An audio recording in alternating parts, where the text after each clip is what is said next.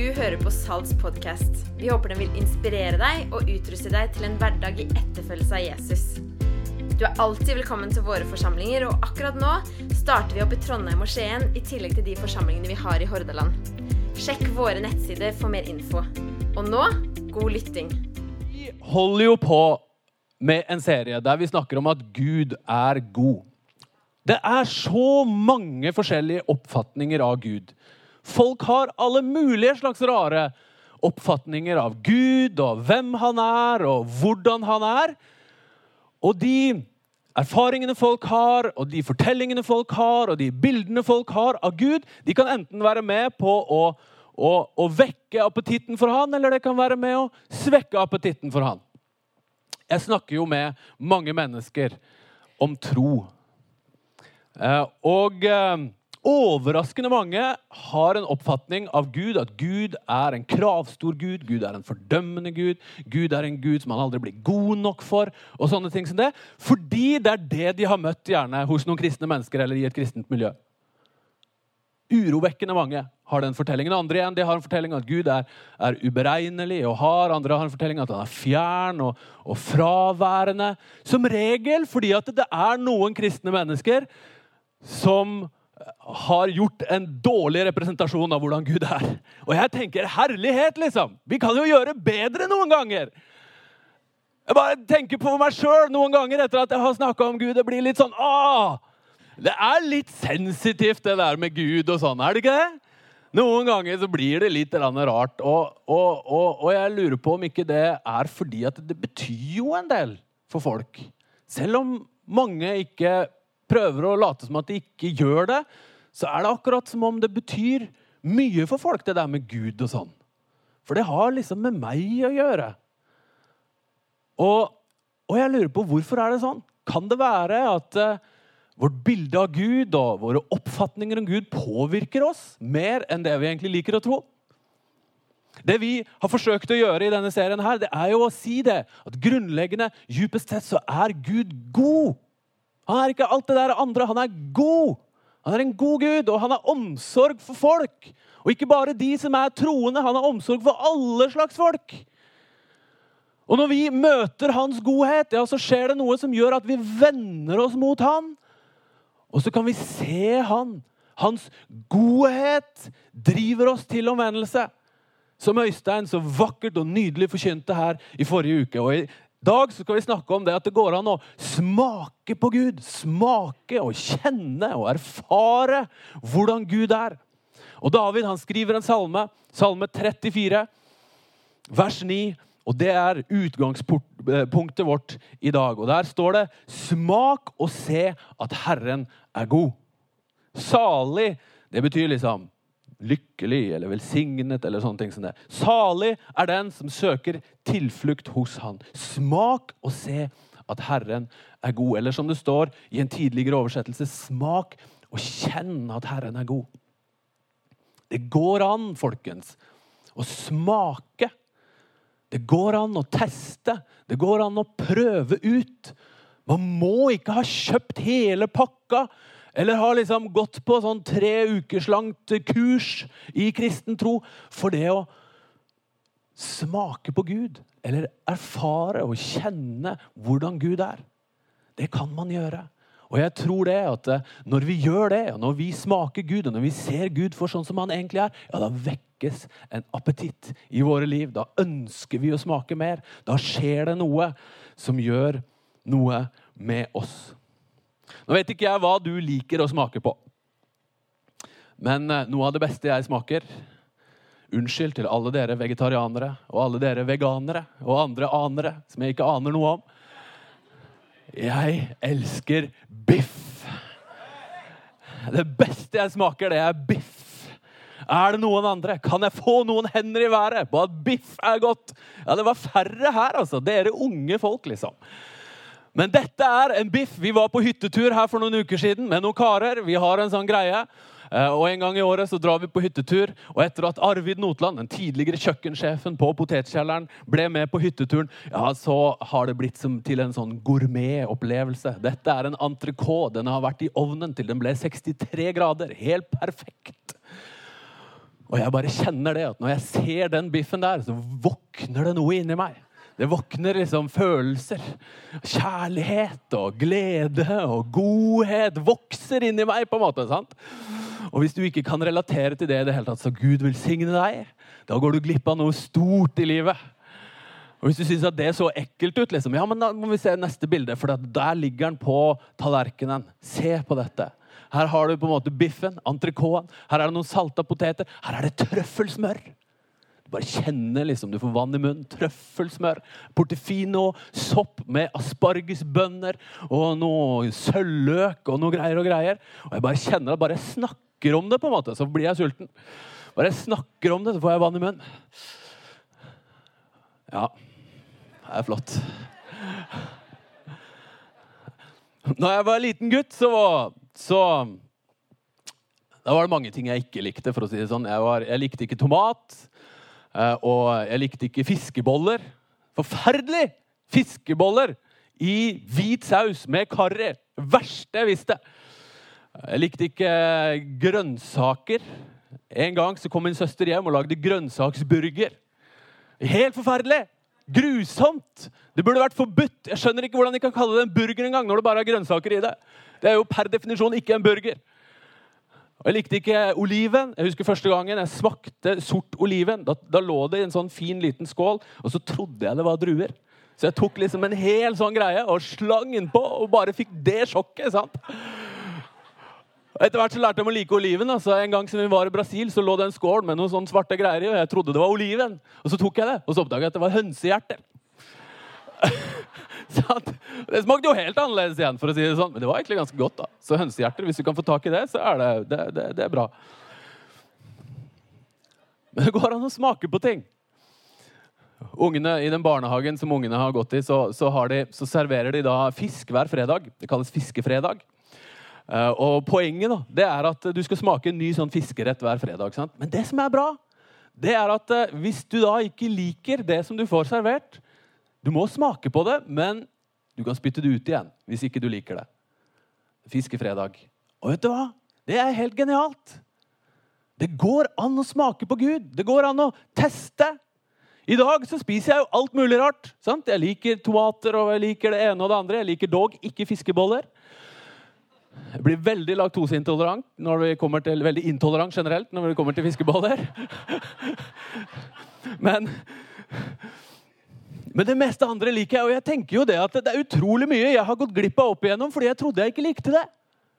Det går an å smake på Gud. Det er mulig for en som er nysgjerrig på Gud, en som har lyst til å vite mer, en som lengter etter mer. Det er mulig, det er lov å smake og kjenne og teste og erfare at Gud, han er god. For jeg tror at når vi smaker, så er det godt, det vi smaker. David, Vi skal lese litt mer i den salmen som han skrev. Han hadde jo vært igjennom litt av hvert David. Sant? Han var en type som Helt siden han var gutt, så hadde han erfart hvordan Gud var med han i medgang og når det gikk bra, men også i motgang og i tøffe perioder og i tøffe situasjoner, så hadde David han hadde erfart det. Ja, men Gud, han er jo god. Når han åpner denne salmen, så skriver han jeg vil velsigne Herren til alle tider. Alltid lovsynge han med min munn. Jeg er stolt over Herren. La de hjelpeløse høre det og være glade. Pris Herren sammen med meg. La oss ære Hans navn. Når han skrev dette, så var han egentlig midt oppi noe trøbbel. Han hadde vært fanga hos noen fiender og eh, sluppet unna. og de var etter han. Men Han var midt oppi noe trøbbel. Men allikevel så sier han det. Og Så tegner han et vakkert bilde og et stort bilde, og så, prøver, og så setter han ord på hvordan Gud er. Og Hør på disse smakebitene her. Vers 5. Jeg søkte Herren, og han svarte meg. Fra alt det som skremte, berget han meg. Sånn Gud tror jeg på. Vers 7. Den hjelpeløse ropte, og Herren hørte han frelste han fra alle trengsler. Vers 16. Herrens øyne følger de rettferdige. Hans øre lytter til deres rop. Det er sånn Gud er. Vers 19. Herren er nær hos dem som har et nedbrutt hjerte. Han frelser dem som har en knust ånd. Vers 20. Mange ulykker rammer den rettferdige, men Herren frir han ut av alle. Og det er sånn Gud er, folkens. Når vi smaker på Gud, så er det det vi smaker. Gud han er en som berger, han er en som hører, han er en som redder, han er en som utfrir, han er en som ser, han er en som elsker, han er en som er til stede, han er en som svarer. Det er sånn Gud er. Og Når vi smaker han, så er det det vi smaker, og da vekkes appetitten på mer. Og Jeg har så lyst til å invitere deg nå i kveld til å smake på mer av han. Enten du akkurat har begynt å smake på han. Kanskje du er liksom på en reise der det, ok, kanskje dette er første gangen du er i en kirke. Kanskje dette er første gangen, kanskje du var med på noe greier for lenge siden. Eller kanskje du akkurat har begynt å komme her. Eller kanskje du har smakt og spist liksom, i årevis og tenker at er det noe mer egentlig? Ja, smak på mer av han. Jeg liker lasagne òg, jeg. Og I 37 år så har jeg spist lasagne. liksom. Og det er bra med lasagne, men for to uker siden skal jeg fortelle dere, så hadde jeg en opplevelse av en annen verden med en ny type lasagne. Altså, det, var altså, det var ikke så veldig nytt, men den var lagd liksom, Ikke bare var den lagd fra bunnen av, men det var en sånn egen oppskrift på en sånn ostesaus. Og det var noe med måten de hadde liksom lagd lagene på, og så var det fullt av hvitløk inni der. Hvitløk, folkens! Hvitløk! Det åpner jo opp en verden, på en måte. Lukter jo forferdelig, men det smaker jo himmelsk. Og basilikum. Og jeg lover deg, den lasagnen her den, Jeg lovte meg sjøl at jeg skal aldri mer spise Toro-lasagne. Det var som en ny verden som har åpnet seg. Og sånn er det med Gud. Han kan gi deg nye opplevelser. Han kan åpne opp nye verdener på noe du trodde du hadde skjønt fra før av. Det går an å smake på han og erfare han. Gud, han er god. Og så inviterer han. Smak og kjenn at Herren er god. Når vi gjør det, så vekkes appetitten. Og så vi vil ha mer og mer og mer, enten det er første gangen eller vi har spist lenge. Hva fører det til i våre liv når vi smaker på Gud, og når vi tester ut hva skaper det? Er det, er det? er det, bare god smak, liksom? Er det bare det at det er fint? Eller er det noe mer? Hva skjer i oss når vi smaker på Gud? Jeg må faktisk bekjenne det at jeg har en liten sånn sidehobby, og det er slektsforskning. Og jeg vet det, at jeg høres fryktelig gammel ut når jeg sier det. At jeg driver med slektsforskning. For det er jo noe man gjerne gjør når man begynner å dra på årene. sant? Og man skjønner det at ja, det vi har en begrenset levetid her. Eh, men, eh, Så kanskje det er et tegn på det. Men jeg syns jo det er så ufattelig interessant da, å finne ut litt om hvordan mine besteforeldre alle mine besteforeldre, de døde før jeg ble født, hvordan mine oldeforeldre og tippoldeforeldre og tipptippoldeforeldre hvordan de liksom levde hvem de var, og hvem de var sammen med, og hva de var opptatt av, og hva de drev med, og hva de snakket om. Det er så interessant! Fordi at det er akkurat som å finne litt av seg sjøl. Akkurat som at noen sånne puslespillbrikker i ens eget liv kommer liksom på plass. Hvor, hvorfor ting ble som de ble, og, og, hvordan jeg har kommet dit jeg er i dag. da. Og nå, nå skal jeg lese for dere. For, for to år siden fikk jeg da altså en slektsbok av min mor. Eh, og Der tracka de slekta på hennes side helt bak til 1500-tallet. faktisk. Det var ganske kult. Er, vi er nesten tilbake på Christoffer Columbus. på en måte. Eh, men, eh, men, jeg skal lese for dere da om min tipp-tipp-oldefar. Og Han het Peder Andersen Nøkleby. Og han giftet seg med Ragnhild Torkelsdatter Lille Løken. Og Nå skal du få høre hva slektsboka sier om Peder Nøkleby. Peder Nøkleby var en aktet og ansett mann i sin bygd. Og hans liv og vandel var preget av sunn og ærlig gudsfrykt. Han var i en årrekke prestens medhjelper. Check. Sant? Det var et hedersverv. Bare til din opplysning. Det er det fortsatt. Og han ble ofte bedt om å holde andakt der hvor en død skulle bæres ut fra hjemmet synge ut liket, som det het. Det kan jeg si. Det har jeg ikke gjort så mye av. Han var en ivrig kirkegjenger. Og uansett vær og føre var han i kirken hver eneste søndag. Det kunne hende, når været var overhendig fælt, at hans hustru kunne foreslå han å bli hjemme. Men det ville han ikke høre på. Dagen er bestemt, den, sa han, men været er ikke bestemt. Han pleide å ri til kirken på en stor, brun hest. Var ikke det stilig? Det er jo som å lese om seg sjøl, vet du. Jeg mangler bare den store, brune hesten. Men jeg er skapt i mine forfedres bilde og i mine foreldres bilde. og Derfor så ligger det en drivkraft i meg til å søke etter min historie. Det er som å finne litt av seg sjøl og sin identitet. Og sånn er det med å søke Gud òg. For vi er skapt i Guds bilde. Det lærer boka oss. Vi mennesker er skapt i Guds bilde. Og Derfor så er det en drivkraft i oss etter å finne ut hvem vi er. Etter å søke Han. Og det er derfor vi trenger å søke Han. For å finne ut hvordan Han er. For da finner vi noe av oss sjøl, folkens. Vi trenger å søke Hans ansikt. Det er jo noe av det vi har prøvd å si i denne serien. her. Tenk om vi kunne løfte blikket fra hans hender til hans ansikt. Hva betyr det? Jo, tenke litt mindre på hva Gud kan gjøre for oss, og tenke litt mer på hvem han er. Det er det vi finner i hans ansikt. Og vi har lest fra Salme 24, vers 6. Dette er en slekt som venner seg til han, som søker ditt ansikt. Jakobs Gud. Søke Guds ansikt. Det er jo et litt rart uttrykk. Og hva mener vi med å søke Guds ansikt?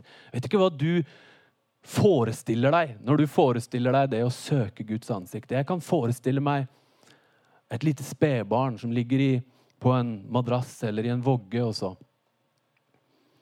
Så, så, så er det masse lyder rundt omkring, men så hører det stemmen til foreldrene sine, og så snur det seg til den kjente stemmen, og så skjer det i en gjenkjennelse i ansiktet, og du får et smil. Vi søker hans ansikt. Når vår mellomste Kristiane var helt nyfødt, så lå hun på, på det der stellebordet hvor de skulle måle og veie henne, og hun skrek noe voldsomt. Men jeg gikk bort og så sa 'Hallo, vennen. Hallo, vennen.' Så kjente hun igjen stemmen min. Og så ble hun helt stille. Og Vi har det på film, faktisk. Vi nesten vist det til dere. Men det er noe som skjer når vi hører den stemmen som egentlig djupt inni oss vi kan resonnere. Djupt inni oss vi kan kjenne igjen. I filmen 'Lion' fra 2016 så møter vi Saru. Noen som har sett filmen?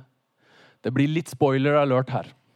Hvis du eh, hvis du egentlig har tenkt å se den filmen, så kan du lukke øyne og ører akkurat nå. Men, men vi møter Saru, som kommer eh, bort fra familien sin som en liten gutt.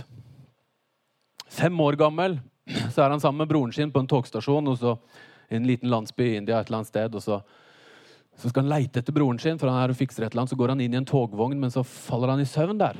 Og Så kjører toget mens han sover der, og så kjører det mange tusen kilometer. Og, og han ender opp langt borte fra familien sin, i Calcutta.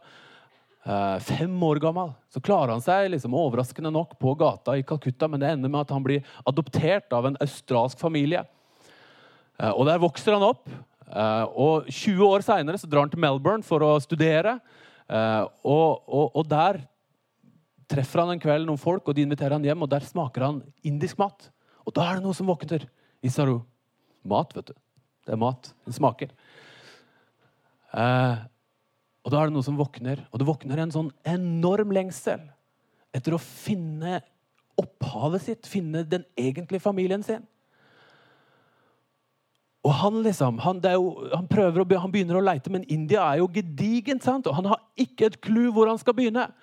Men det blir en sånn besettelse for han da. Og etter lang, masse leting og masse frustrasjon og masse tilfeldigheter, så finner han endelig fram til hvilken landsby det var han kom fra. Han bestemmer seg, og han reiser dit for å forsøke å finne familien sin. Dypest sett så er vi skapt i Guds bilde. Og Derfor så er det en, en lengsel i oss etter å finne hjem til å finne tilbake igjen til opphavet. Og når vi finner Gud, ja, da finner vi også ut hvem vi sjøl er, og hvem vi sjøl var skapt til å være. For Gud, han er god. Og så er vi skapt i hans bilde til å være god. Gud, han er kjærlighet, og vi er skapt i hans bilde til å vise kjærlighet, til å være kjærlighet. Gud, han er full av nåde og barmhjertighet, og vi er skapt i hans bilde til å vise nåde og barmhjertighet. Gud, han er tålmodig, han er mild, han er lidenskapelig, og vi er skapt i hans bilde til å være det samme. Og Gud, Gud er hellig, og vi er skapt i hans bilde til å være hellig. Og folkens, når vi søker Guds ansikt, når vi ser hvem han er, så er det som å finne oss sjøl. Og så, så, så, blir det ikke bare sånn at vi smaker på han, men så blir det også sånn at vi kan bli en smak av han. Og så kan de ble, det bli noe annet enn bare sur sitron når vi skal snakke med folk om tro.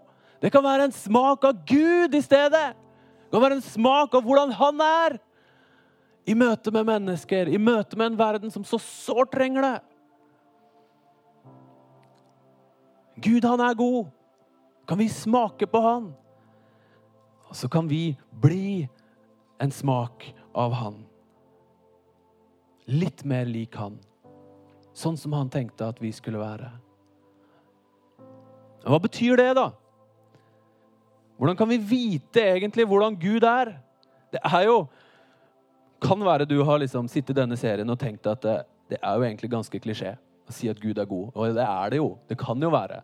Ganske så klisjé. Det å si at Gud er god, det er nesten som en sånn floskel som, som en troende kan lire av seg liksom i en trossamtale. Hva betyr det egentlig? Hvordan kan vi vite hvordan Gud er? Et godt spørsmål. Og Disiplene til Jesus de lurte på det samme. De hadde vært sammen i tre år og fulgt etter Jesus rundt omkring og opplevd det ene etter det andre. Og så går det mot slutten. Og Jesus han, han hadde jo utfordra deres gudsbilde. sant? Deres forståelse av hvordan Gud er. Den, det gudsbildet som de hadde på den tiden der, det var jo at, at Gud han um, han var representert gjennom loven som Moses hadde kommet med. Der det sto om alle reglene, liksom, om alt det som de skulle gjøre, og ikke minst alt det de ikke skulle gjøre. Alle bud og regler. Det var, det var deres oppfatning av hvordan Gud var. Det var det, det, var det, som var deres gudsbilde. Sånn er Gud, tenkte de. Men så kom Jesus, og så, så utfordra han det. Noe så radikalt. Han trådte aldri inn i det gudsbildet. Men han, han begynte å snakke på en helt annen måte. Han begynte å snakke om at ja, men Gud han er som en far. Det går an å ha en relasjon til Gud, deres far som er i himmelen. Og Så viste han de en annen måte å leve på, og så kommer de mot slutten og så har de en samtale. Dagen før Jesus blir korsfesta, har han en sånn siste stund sammen med de. Og Vi finner den i Johannes evangelium, kapittel 14. Og Jesus sier, La ikke hjertet bli grepet av angst. Tro på Gud og tro på meg. I min fars hus er det mange rom. Var det ikke slik, hadde jeg da sagt dere at jeg går og vil gjøre i stand et sted for dere. Og når jeg har gått og gjort i stand et sted for dere, vil jeg komme tilbake og ta dere til meg, så dere skal være der jeg er. Og dit jeg går, vet dere veien. Disiplene de blir forvirra.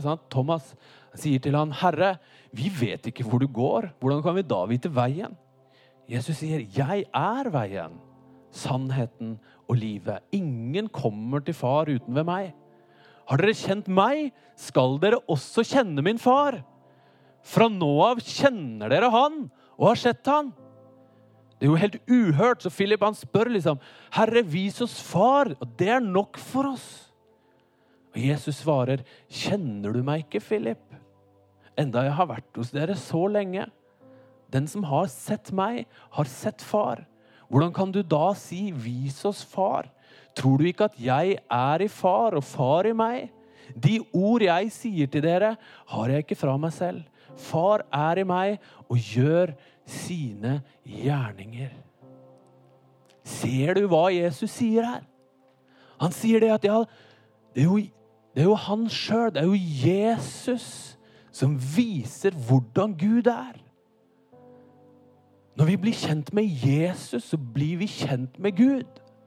Når vi ser Jesus, så ser vi Gud.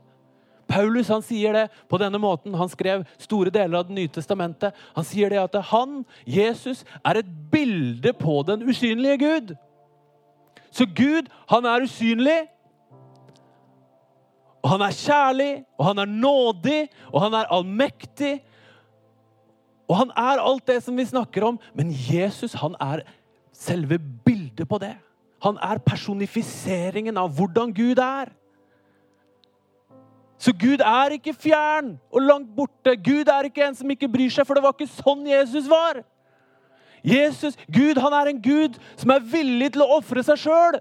Han var villig til å gi sitt eget liv for at du og jeg skulle finne veien tilbake igjen til han. For det var det Jesus gjorde. Gud han er en Gud som helbreder, for det var det Jesus gjorde. Folk på innsiden og på utsiden. Gud han er en Gud som tar det som er dødt, og blåser liv inn i det. Gud Han er en Gud som elsker. Som er villig til å gi sitt eget liv, og som ser det som er brutt.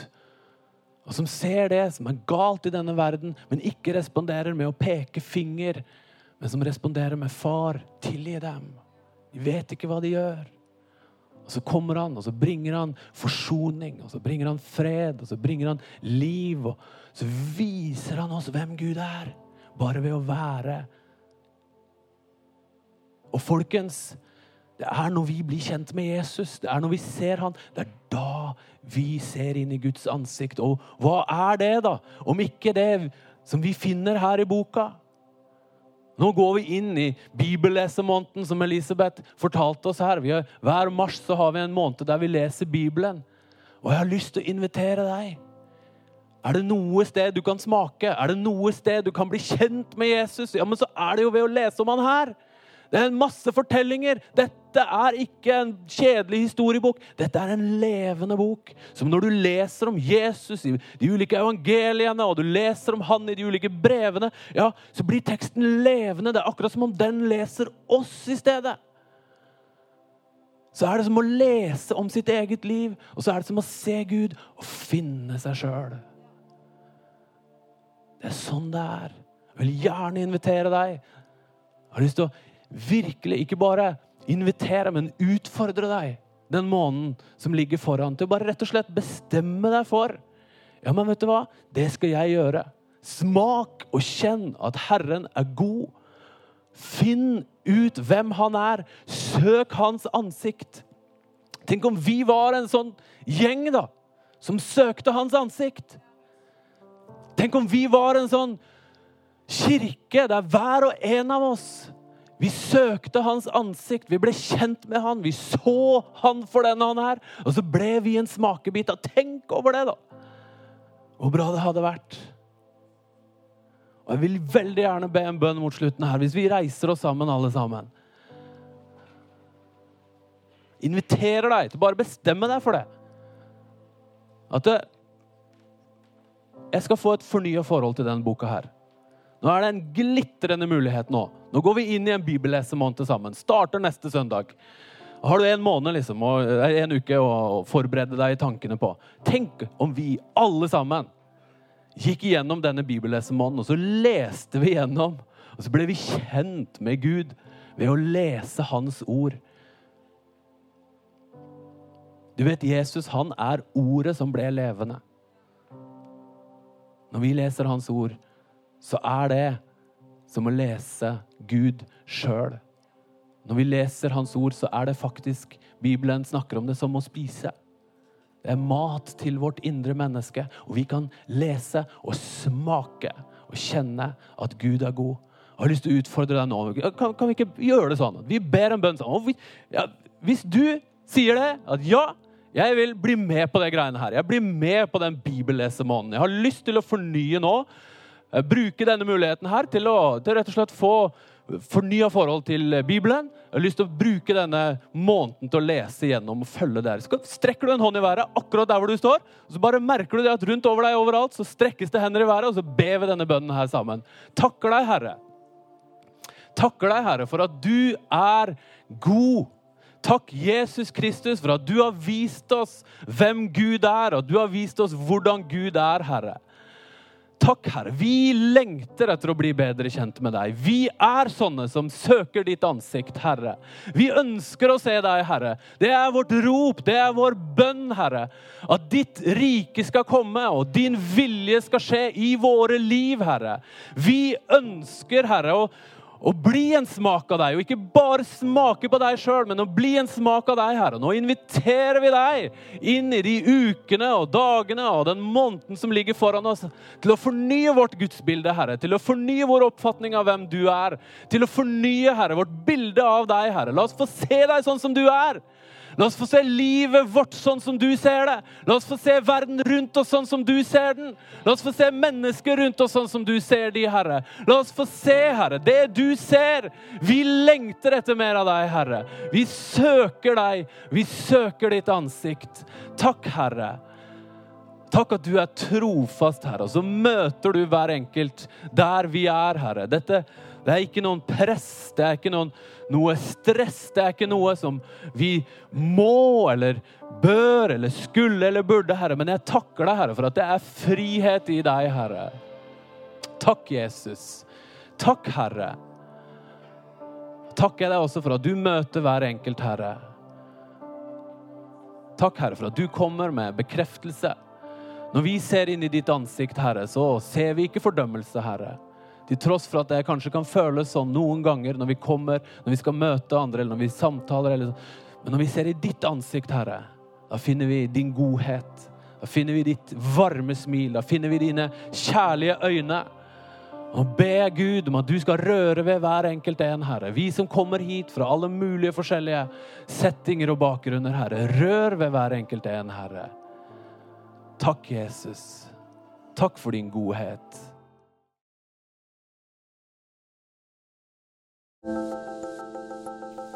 Takk for at du lyttet til podkasten til Salt. For å høre flere, besøk oss på saltbergen.no.